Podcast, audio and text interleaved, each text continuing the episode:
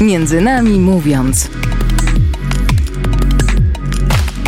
Zapraszają Franciszek Cofta i Stanisław Bresz.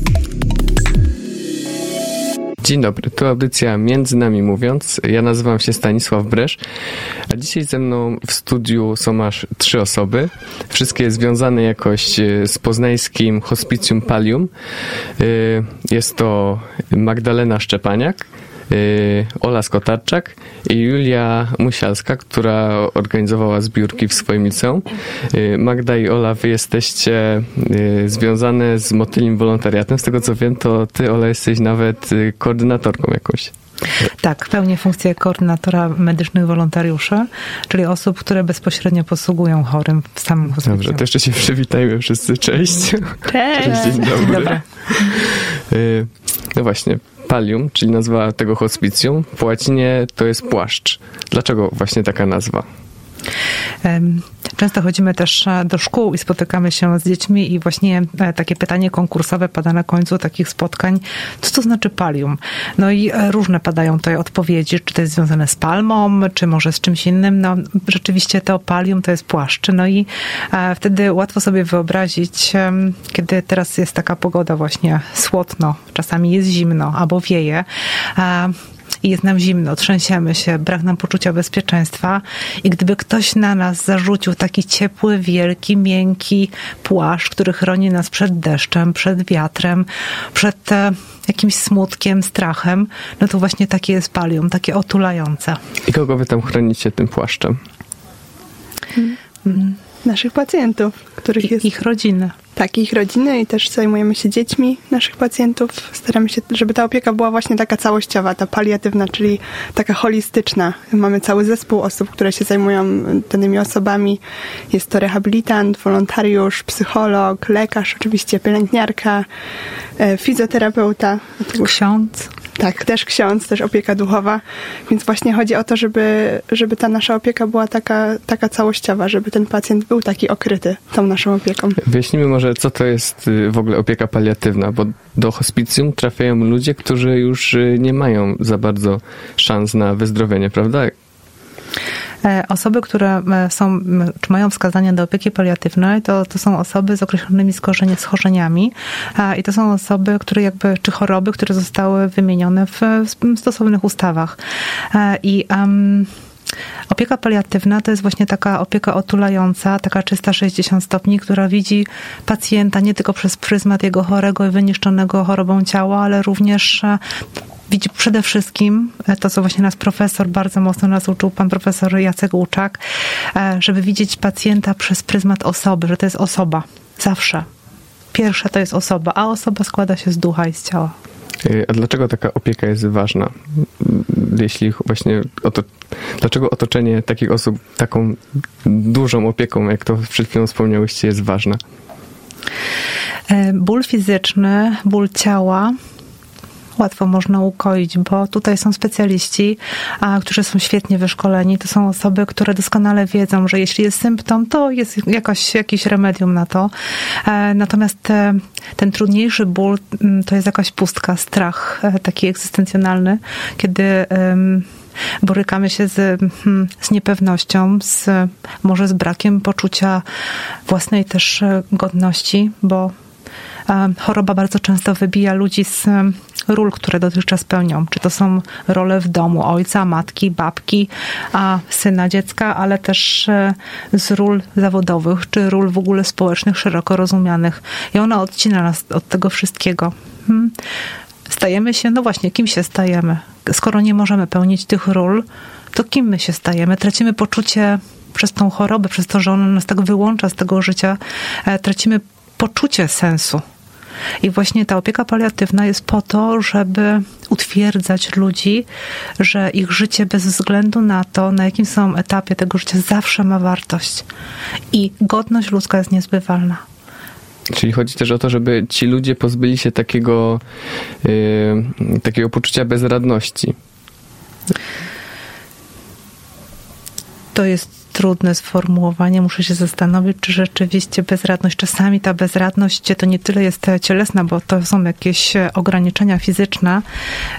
Natomiast taka niemoc i bezsilność e, raczej w aspektach jakby duchowym, psychologicznym. To tutaj mamy większe pole jakby do działania, bo czasami choroba może tak postępować, że że jakby nie ma możliwości jakby przywrócenia sprawności członkom. Natomiast w głowie, głowie można dać jakby więcej światła. I to polega na tym, że po prostu jesteście z tymi ludźmi, rozmawiacie z nimi i jakoś staracie też ich wysłuchać, tak? Dokładnie, dokładnie. Staramy się być przy nich, rozmawiać. Często y, zdarzy się, że są to osoby samotne, do których nawet potrafi nikt z rodziny nie przychodzić.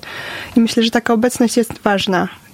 Praca wolontariusza też polega na tym, że opiekujemy się tak mm, bardziej pielęgnacyjnie, czy karmimy, czy nawet wychodzimy na spacer, czy do sklepu, jeśli dana osoba coś potrzebuje. Jednak ja myślę, że właśnie ta obecność, ta rozmowa, to, to żeby ta osoba czuła, że ktoś przy nich cały czas jest, to jest najważniejsze. Ci ludzie są świadomi tego, że już niedługo nastąpi ich koniec. Jak, jak sobie z tym radzą? Czy może nie są świadomi nie tego, że to nie tak świadomi. jest? To jest bardzo indywidualne. Niektórzy, mm, niektórzy są bardziej świadomi i jakby e, pozwalają otoczenie zauważyć, że jest w nich ta świadomość, natomiast są osoby, które do końca będą wypierać e, i będą wierzyć, że to wszystko się zmieni, że to się odwróci, że, że wszystko będzie dobrze. Natomiast jakby takie z szacunku do tych osób my też jakby nigdy nie kłamiemy, to znaczy też zostaliśmy tak e, przygotowani, że nie możemy jakby obiecywać czegoś, czego, na co nie mamy żadnego wpływu. Czyli nigdy nie mówimy, że wszystko będzie dobrze. O, to się wszystko, wyzdrowieje pani. To jest nieprawda i to e, większość osób e, wie. Natomiast my też nie pełnimy ról ani psychologa, ani lekarza i my też nie wiemy tak naprawdę, jak ta przyszłość e, tych osób się potoczy. Ja myślę, że tak staramy, staramy się być tak trochę dwa kroki za pacjentem, tak trochę podążać za nim i no nie narzucać nic od nas, tylko właśnie być uważnym na to, co on mówi, czy jak się zachowuje. No jakoś myślę, że dużo zależy też od rodziny w takiej sytuacji. Od tego, czy ona z nimi rozmawia, czy właśnie jest też gotowa na to, na odejście danej osoby. Czy wy też stanowicie jakieś połączenie między tym pacjentem a rodziną? Staramy się nie. To jest, jeżeli już, to jest rola psychologa. E, tak jak Magda właśnie tu powiedziała, to zdecydowanie, kiedy mm, pojawia się konieczność jakby wsparcia rodziny w tym aspekcie, to zawsze zostawiamy tą kwestię psychologom. My jako wolontariusze jesteśmy osobami, które jakby uzupełniają ten zespół interdyscyplinarny, natomiast nie zastępujemy członków tego zespołu. Czyli stoimy jak właśnie ten jeden krok e, ale jesteśmy gotowi do pomocy. Mhm. A jaka panuje atmosfera w hospicjum? Czy tego nie można tak powiedzieć jednoznacznie, że jest na przykład ponuro albo... Właśnie nie, właśnie nie jest ponuro, wręcz przeciwnie. Ja myślę, że taka atmosfera takiego ciepła, spokoju, tam też nie prowadzimy takiej uporczywej terapii, co się zdarza w szpitalach. Um, właśnie też bardzo dużo takich głosów słyszałam, czy od osób, które przychodzą gdzieś z zewnątrz, czy, czy rodzin pacjentów, czy samych nawet pacjentów, że właśnie y, tak zupełnie odmieniają swój wizerunek po przyjściu do tego miejsca, że na pierwszą myśl zupełnie im się nie wydaje takie, jakie jest w rzeczywistości. Kiedy wchodzi się właśnie to w holu głównym, po prostu ma się wrażenie, że się weszło prawie do palmiarni, bo jest tyle zieleni, ale te e, kwiaty i właśnie dekoracje, one są w każdym pokoju chorych.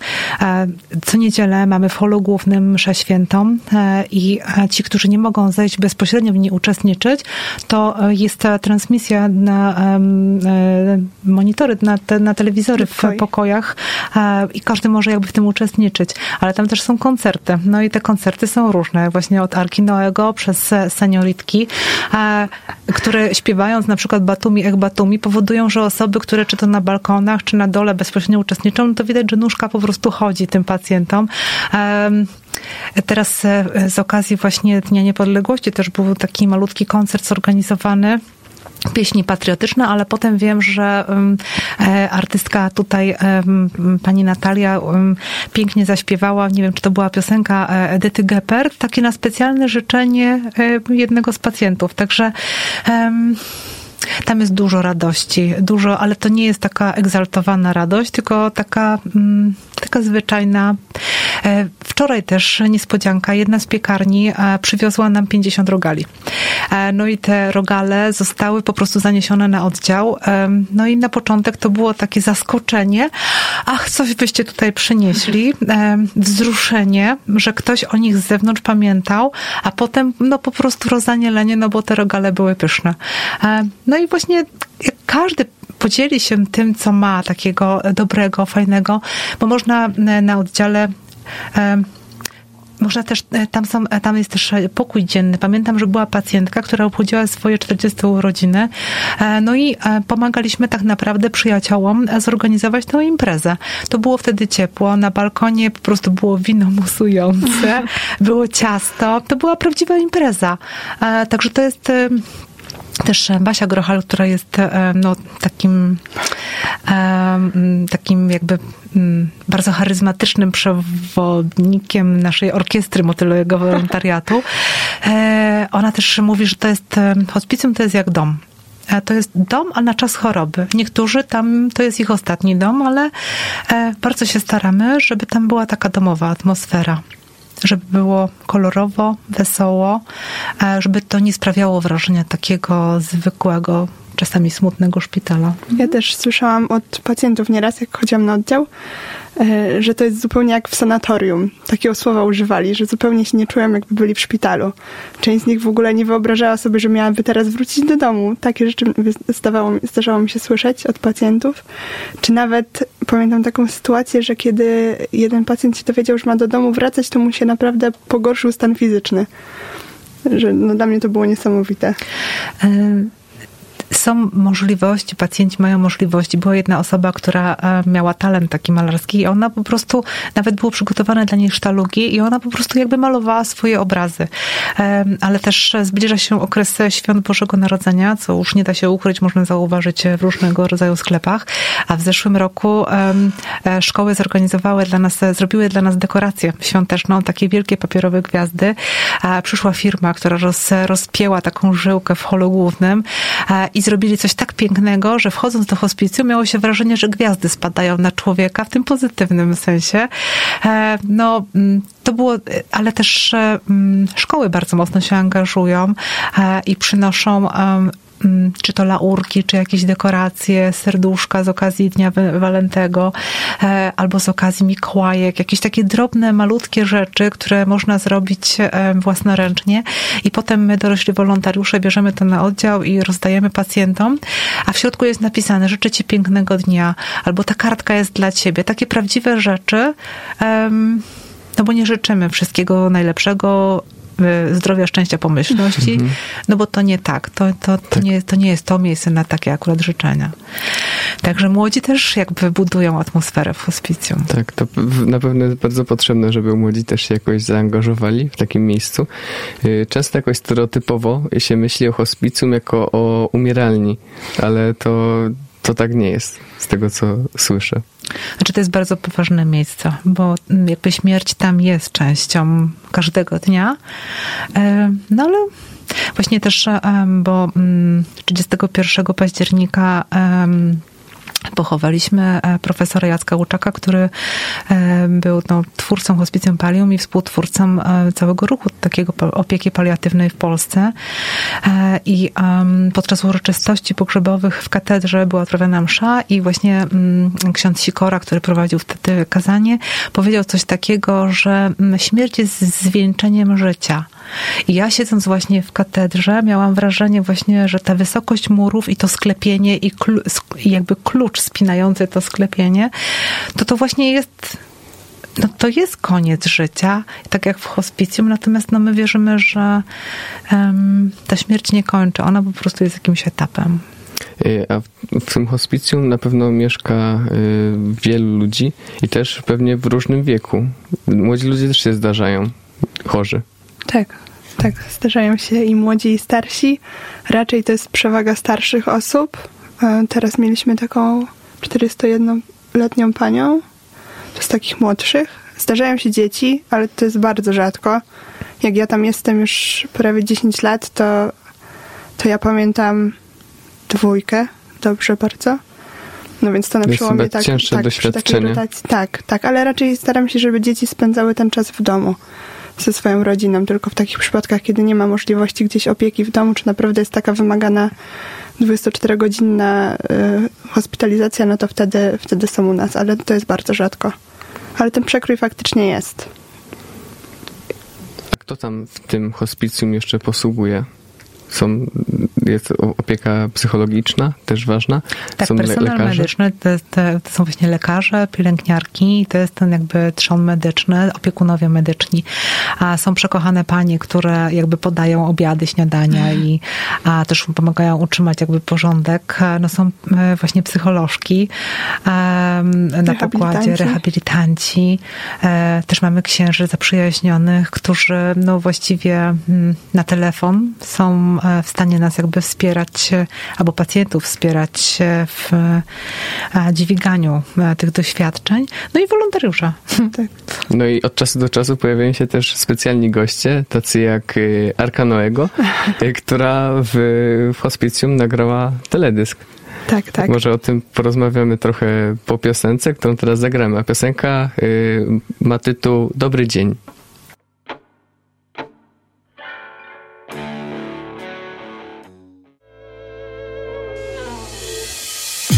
Między nami mówiąc. Zapraszają Franciszek Cofta i Stanisław Bresz. Wracamy po krótkiej przerwie. Zaśpiewała nam Arka Noego, y, a teledysk do tej piosenki dział się w Hospicjum Palią właśnie, czyli w tym miejscu, w którym wy pomagacie. Y, Przypomnijmy, gośćmi, dzisiejszymi gośćmi jest y, Magda Szczepaniak, Ola Skotarczak i Julia Musialska. Magda, ty mówiłaś y, teraz podczas tej przerwy, że byłaś na tym, byłaś na tym wydarzeniu, jak Arka Noego przyjechała do hospicjum i grała. Jak to wyglądało? Dokładnie byłam tam. Jeśli dobrze pamiętam, bo jak już ustaliliśmy w trakcie przerwy, to było dawno temu, to, to było otwarcie naszej nowej części. To był chyba wtedy oddział C. Tak, nowy, nowy oddział, ponieważ cały czas chcemy się rozbudować. Tych miejsc jest cały czas za mało, bo to jest tylko 40 miejsc na cały Poznań tak naprawdę. Mm, Było to bardzo pozytywne wydarzenie, szczególnie, że właśnie Arkanego składająca się z dzieciaków przyjechali do nas. Tu na korytarzu malowali jakieś motylki przy pomocy naszych wolontariuszy. Było też bardzo dużo wolontariuszy ze szkół, wszyscy w tych żółtych koszulkach. Także to całe miejsce się tak trochę rozświetliło dzięki temu. Był ten koncert, było otwarcie, było tak bardzo uroczyście. Szkoły też, e, tak jak na każde drzwi otwarte, przynoszą nam ciasta, więc i było co, coś do zjedzenia, do, do wypicia. Także był to bardzo piękny czas. No i też zaowocował tym teledyskiem, tą piosenką. Zapraszamy do obejrzenia. Dokładnie. Dobry dzień się nazywa. Y, Tu się często pojawiają motyle. Wasze, wasz wolontariat to jest motyli. Tu dzieci też Tak. malowały motyle. Czy to jest coś specjalnego się pod tym kryje? Motyl jako taki symbol, myślę, uwrażliwienia, delikatności, też przemijania. A Dlatego też myślimy, że pasuje do I naszego... przemiany. I przemiany, tak. Tak. Z kokona powstaje y, motyl później. Także myślę, że wszystko do nas bardzo pasuje i właśnie pod tym hasłem działamy już od tych 10 lat. Tak, ja też e, właśnie jak chodzimy do szkół, to też e, właśnie próbujemy wyjaśnić ten symbol motyla. E, No przemiana, mo- motyle wiadomo z gąsienicy, jakieś kokony, a potem coś pięknego powstaje i też to jest, to jest ta wrażliwość, czyli może być tak, że będziemy chodzili i nie będziemy widzieli się nawzajem, zatopieni właśnie w tych tabletach, smartfonach z niebieskimi twarzami, ale tak naprawdę grzebiąc w telefonie nie widzimy drugiego człowieka i właśnie mówiąc do dzieciaków zachęcamy, żeby nauczyły się czytać twarze, że z, jakby z tych twarzy, z oczu można zobaczyć, czy ktoś jest szczęśliwy, czy ktoś jest smutny, a czy ktoś jest niepewny. To wszystko jest napisane, wypisane na twarzach i em, Właśnie ta wrażliwość e, wynikająca z nas samych, a tego się można nauczyć, można po prostu poćwiczyć, sprawia, że dostrzegamy, dostrzega i widzimy się, widzimy osoby w osobach, e, w tych wśród tych, którzy, nie wiem, towarzyszą nam, jadą z nami autobusem, albo e, ci, którzy są w domu, czy w szkole, albo właśnie w hospicjum są pacjentami, ale to ch- trzeba chcieć, trzeba chcieć, żeby zobaczyć. Mhm. Wy, generalnie w hospicjum nie tylko są potrzebne osoby, które przychodzą i będą z, z, tam z pacjentami, chociaż z tego, co tutaj rozmawiamy, to, to jest najważniejsze. Tak, zawsze na, na górze jest pacjent i to jest jego potrzeby są najważniejsze ale też y, dookoła różne akcje się dzieją. I tutaj pytanie do Julii, bo wiem, że w szkołach również są organizowane zbiórki różnych rzeczy. Ty w zeszłym roku tak. prowadziłaś zbiórkę. Jak to wyglądało? Co, skąd w ogóle pomysł na taką zbiórkę? Sam pomysł na zorganizowanie takiej zbiórki już padł parę lat temu, bodajże jak byłam w pierwszej liceum bo przyjazny ksiądz, który mnie wtedy uczył, pracował w szpitalu, więc myślałam, że można by coś takiego zorganizować, jakieś tam inicjatywę uczniowską, by, żeby zebrać paczki, jakieś podstawowe produkty i to zanieść. I zrobiliście tak, to. Tak, i to zrobiliśmy. Ksiądz był zaskoczony, bo też chciał wpaść na taki pomysł, ale nic nie mówił. I tak z rok na rok y, coraz więcej uczniów się w to angażowało, przynosiło nam te produkty i to zanosiliśmy. W zeszłym roku znajomy właśnie matematyk, który jest trochę powiązany z tym hospicjum, powiedział, że może byście tam zanieśli te produkty. I powiedzieliśmy, że jasne, nie ma sprawy i tak to się zaczęło. I tak to teraz funkcjonuje tak. i pewnie będzie kontynuowane. Mam nadzieję, że w tym roku też się uda. A wy, wy też, jako motyli wolontariat, też robicie różne akcje. Ojej, ile tego Oj, ale nam się dzieje. Tak, tak właśnie za dwa tygodnie, bo już wysłaliśmy zaproszenia, a będziemy e, świętowali tutaj po sąsiedzku w szkole podstawowej numer 6 e, w Poznaniu e, Światowy Dzień Wolontariusza, który kalendarzowo wypada w grudniu, 5 grudnia, ale my no, będziemy go wcześniej tutaj. Będzie się działo, będą i gry, i tańce, i coś słodkiego. Będziemy też wspominać profesora, ale też zaprosiliśmy młodych wolontariuszy, którzy po jakby tym wolontariatem tak jakby planują swoje życie. I to są bardzo młodzi ludzie i mają już doświadczenia zagraniczne w takim wolontariacie zagranicznym. No i chcemy właśnie pokazać tym młodym, że e, w zasadzie to może być coś tak spełniającego, tak, e, tak oczyszczającego i tak rozwijającego. No, w każdym razie zapraszamy. 23 listopada zaczynamy o 11 w szkole podstawowej numer 6 na osiedlu Rusa. I wszyscy mile widziani pewnie. Wolontariusze oczywiście, albo ci, którzy chcą być wolontariuszami. Jak nie chcą, to przekonamy. Dobrze, no to sądzę, że słuchacze rozważą tą propozycję. A teraz chciałbym porozmawiać trochę o profesorze Jacku Łuczaku, bo powiem szczerze, przyznam się bez bicia, że ja o hospicjum się dowiedziałem dopiero po jego śmierci, bo profesor zmarł, zmarł 22 października. E, no właśnie, czy wy go znaliście? Tak. Znaliśmy. I jaki on był? Bo słyszałem, że bardzo przykładał właśnie uwagę do kontaktu z drugą osobą i często w ogóle przestawiał jakoś tam plan dnia, powiedzmy, żeby się spotkać z tymi ludźmi, żeby jakoś z pacjentami swoimi.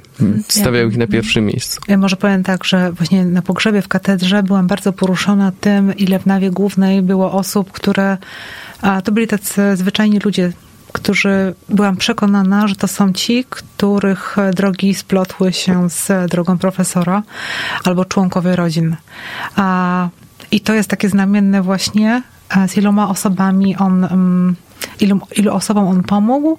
A, jeździł na konsultacje. A dzwonił, przedstawiał się, znaczy kiedy rozmawiałam, to nie przedstawiał się w ten sposób, ale słyszałam właśnie, że e, mówił e, dzień dobry Jacek Łuczak, w czym mogę pomóc? On po prostu chciał pomagać. On, on dążył do tego.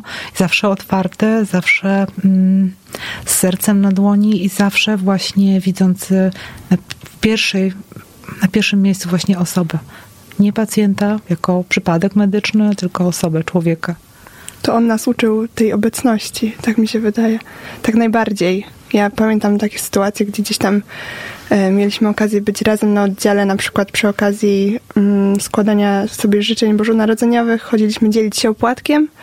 Wtedy całym zespołem jakby po, po trochu z każdego, że tak powiem, czy pielęgniarka, czy właśnie pan profesor, lekarz, wolontariusz. Chodziliśmy całym takim zespołem po wszystkich salach i to się tak rzucało w oczy, że właśnie pan profesor, pomimo y, swojej funkcji, jaką pełnił, to właśnie pochylał się nad każdym tym pacjentem, czy całował nawet w dłoń. Mm, tak był bardzo blisko, było bardzo mocno można to zauważyć. To w ogóle była misja jego życia, bo z tego co wiem, to on w ogóle w Polsce tą opiekę paliatywną jako taką zapoczątkował. Tak, myślę, że to nie było łatwe na początku. Wizjoner, wojownik, nauczyciel, mentor. Nie poddawał się. Nie poddawał się i bardzo gorliwy w tym, um, w jakby w dążeniu do celu. A um, on jako jeden taki po prostu chyba z pierwszych doświadczył, zrozumiał, zobaczył, że osoba umierająca to nie jest osoba, która właściwie już, już się nie ma co z nią liczyć, bo ona już jest spisana na straty. Do końca życia to jest osoba, której wartość i godność jakby są niezbywalne i niezmienialne. I ten szacunek, też właśnie mm, takie wspomnienie, że on profesor, on pan ordynator, wchodząc na oddział, e, kiedy był obchód, sama to po prostu widziałam i za chwilę będę ryczeć. Kiedy wchodził do pokoju chorego, podawał rękę i jeszcze to była kobieta, to po prostu całował ją szarmancko w dłoń. No i taki właśnie był. Hmm. Albo też właśnie dzisiaj um, przyszedł jeden z pracowników szpitala i a wtedy był um, nowym pracownikiem e, i profesor też wszedł do hospicjum i podchodzi do niego, wyciąga rękę i mówi, dzień dobry, a pan chyba jest nowy. On przedstawił się i powiedział tak, że rzeczywiście jest dopiero pierwszy dzień pracy, a profesor do niego mówi, no bo ja tutaj jakby je szefuję. Ale porozmawiajmy, bo masz jakieś doświadczenie ogrodnicze i jakby Nieważne było, czy ktoś pracuje na recepcji, czy ktoś zajmuje się utrzymaniem porządku, czy też może jest konsultantem medycznym. E, dla każdego znajdował czas, e, poświęcał mu uwagę zawsze z dużym szacunkiem. Zawsze się przed chwilą pojawiało właśnie dużo, dużo, było, mowa, dużo było mowy o szacunku i o, ty, o tej wartości życia człowieka do ostatniej, do ostatniej chwili. Wydaje mi się, że mm, my często o tym zapominamy, że życie ludzkie to nie jest tak, tak powiedzmy może chrześcijanie tak, tak mają, że y, bardzo często jest duży nacisk powiedzmy na obronę tego życia poczętego, tam przeciwko aborcji i tak dalej, są ruchy, a zapomina się o tym, że człowiek ma godność do, do śmierci, że powinniśmy go szanować. Nieważne, czy on po prostu już, nie wiem, jest bezdomny, gdzieś tam wegetuje, czy właśnie jest umierający, że zawsze powinniśmy go jakoś tam wspierać. Ja myślę, że to myślenie się zmienia, że kiedyś właśnie był większy nacisk na to, że no to tam dobrze, no tam już ktoś jest na końcu swojej drogi, to już zajmijmy się raczej tymi początkami i myślę, że to jest też takie myślenie, przez które musiał się przebić najbardziej pan profesor, że że właśnie taka była niechęć z tego, co pamiętam, do tego, żeby takie miejsce gdzieś tutaj właśnie na osiedlu Rusa powstało, że ludzie sobie nie wyobrażali mieć hospicjum pod domem, że nawet takie głosy były. Mm, no i my też staramy się właśnie uwrażliwiać społeczeństwo, osoby, które spotykamy na to, że, to, że jest potrzeba, że to jest ważne, że właśnie człowiek na końcu swojego życia potrzebuje tej opieki, że jego życie właśnie też jest wartościowe i, i ta godność jest ważna, żeby była zachowana do końca. No i myślę, że jest coraz więcej osób, które też myśli w ten sposób, że, że jednak jakoś docieramy do tych ludzi i i że jest nadzieja, że będzie coraz lepiej. Takie poczucie własnej wartości to jest e, coś, co w sobie nosimy i czasami to jest silniejsze uczucie oparte o jakieś solidne podstawy, albo czasami zupełnie jakby we mgle zanikające, ale ta godność wynika jakby w nas samych i my ją nosimy, to jest, to jest niezbywalne i w ogóle poza wszelką dyskusją. Natomiast czasami właśnie mm, zatracając ten poczucie tego sensu życia, przestajemy wierzyć to, że jakby nasza, nasze życie ma wartość. Natomiast świat zewnętrzny, w tym również jakby wolontariusze, e, mogą jakby okazując szacunek, e, utwierdzać tą drugą stronę, że tak, twoje życie jest niezwykle ważne. Każdego dnia, bez względu na stan posiadania, na to, jak się nazywasz, czego dokonałeś w życiu, a czy masz rodzinę, czy jej nie masz, czy masz 5 lat, czy masz 58. Nie ma znaczenia. Twoje życie zawsze jest warte jakby to jest, to jest wartość najwyższa. Zawsze, każdego dnia. Często chyba taką rzeczą, która odbiera ludziom sens życia, nawet yy, powiedzmy, nie, nie tyle choroba jest tą rzeczą, tylko samotność. Czy jakoś starać się z tym radzić właśnie w hospicjum? No Jak właśnie, to jest? Właśnie przez tą obecność, o której mówiliśmy, że żeby taka osoba nigdy nie była sama, Myślę, że to jest bardzo ważne i że nawet od tego też często zależy stan fizyczny danej osoby, od tego, jaki będzie jej stan psychiczny, od tego, jak będzie, czy będzie zdrowiała, czy, czy będzie się dobrze czuła. Myślę, że to jest bardzo istotne, żeby właśnie być przy drugiej osobie, żeby te bliskie osoby jak najczęściej przychodziły, czuwały, rozmawiały, ale też w takiej szczerości. Mm. No i od tego też my jesteśmy, wolontariusze, od tego, żeby być przy tych pacjentach. A co wam daje ta obecność, to, to że wy tam działacie w hospicjum, bo działacie już parę lat? Czy nawet już pod, pod parę dziesiąt to podchodzi. To nie ma nam dawać. to ma dawać tym no, pacjentom. myślę o tym, że jednak... Yy, też warto poruszyć tą kwestię, jeśli ktoś byłby zainteresowany jakąś pomocą, to, to też jakoś. No i też ważne jest wasze świadectwo, jak, jak, jak wy to mhm. czujecie. Bo jednak Właśnie. coś sprawia, że cały czas nam przychodzicie, że nie czujecie, że to jest beznadziejna sytuacja. I no. Znaczy, to są takie indywidualne odczucia, ale właśnie kiedy próbuję w szkołach na spotkaniach z dzieciakami jakby wytłumaczyć, na czym polega szczęście dawania, bo jakby ja mogę jakby próbować wyjaśnić to, ale dopóki tego sam, sami nie spróbujemy, to, to jest jakby trudne do, e, do odzwierciedlenia, ale można sobie wyobrazić, że jakby dziecko własnoręcznie czy robi jakąś laurkę, czy jakąś broszkę z modeliny, czy z czegoś takiego, bo przygotowuje się, albo chce na przykład obdarować mamę czy babcię. E, I właściwie no, daje siebie, daje swój czas, swoje umiejętności, a wszystko to, co ma. I, I dzieciaki właśnie tak mają, że po prostu na 100% jakby dają siebie i potem obdarowywują tą mamę, czy babcię, siostrę. I kiedy widzą to, co się dzieje na twarzy osób obdarowanych, to Nieważne, ile to trudu wcześniej kosztowało przygotowanie tej laurki czy broszki, a, ale to, co się właśnie jakby w nas samych dzieje, kiedy doświadczamy obserwujemy szczęście osoby obdarowanej, no to jest właśnie tak kwintesencja, że dając, sami jesteśmy niebywale ubogaceni. Dokładnie. Ja na przykład nie uważam, że wolontariat jest takim altruistycznym działaniem, bo no po prostu tyle, ile ja otrzymałam w trakcie tych 10 lat, to jest no, jakieś totalnie niesamowite, bo i jakieś, wiadomo, umiejętności, czy w ogóle no, człowiek się przede wszystkim rozwija w takich bardzo różnych obszarach swojego życia. Tego w szkole się nie da nauczyć, tak mi się wydaje, tego, co, co my gdzieś tam otrzymaliśmy na wolontariacie.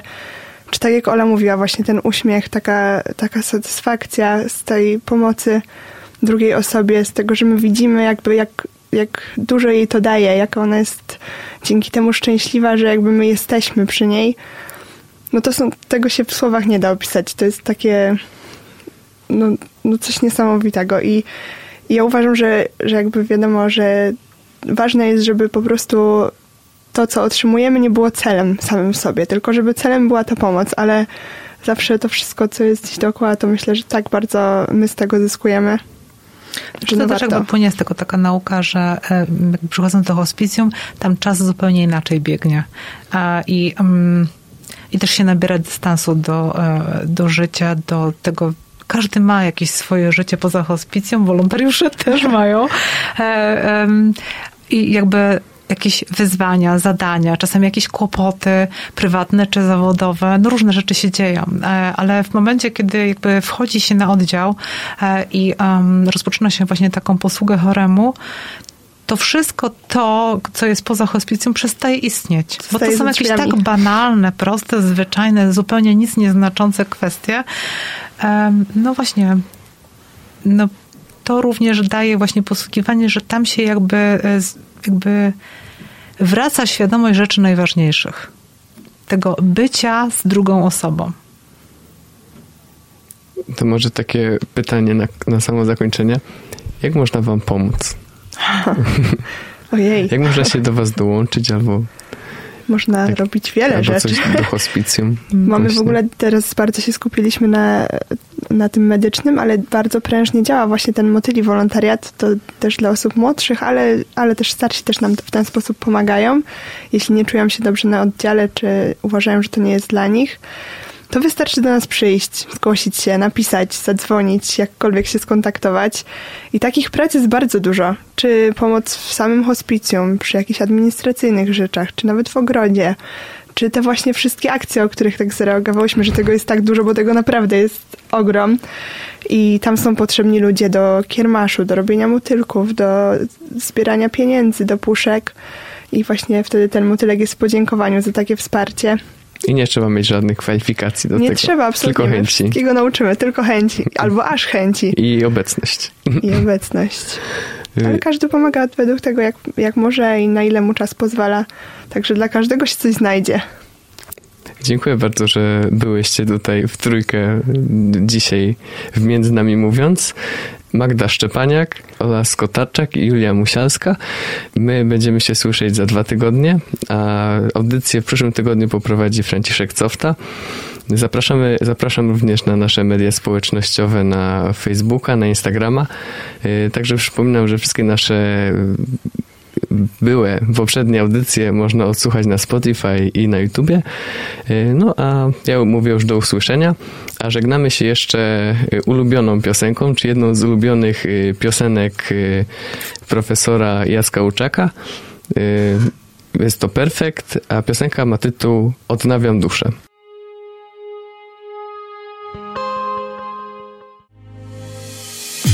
Między nami mówiąc.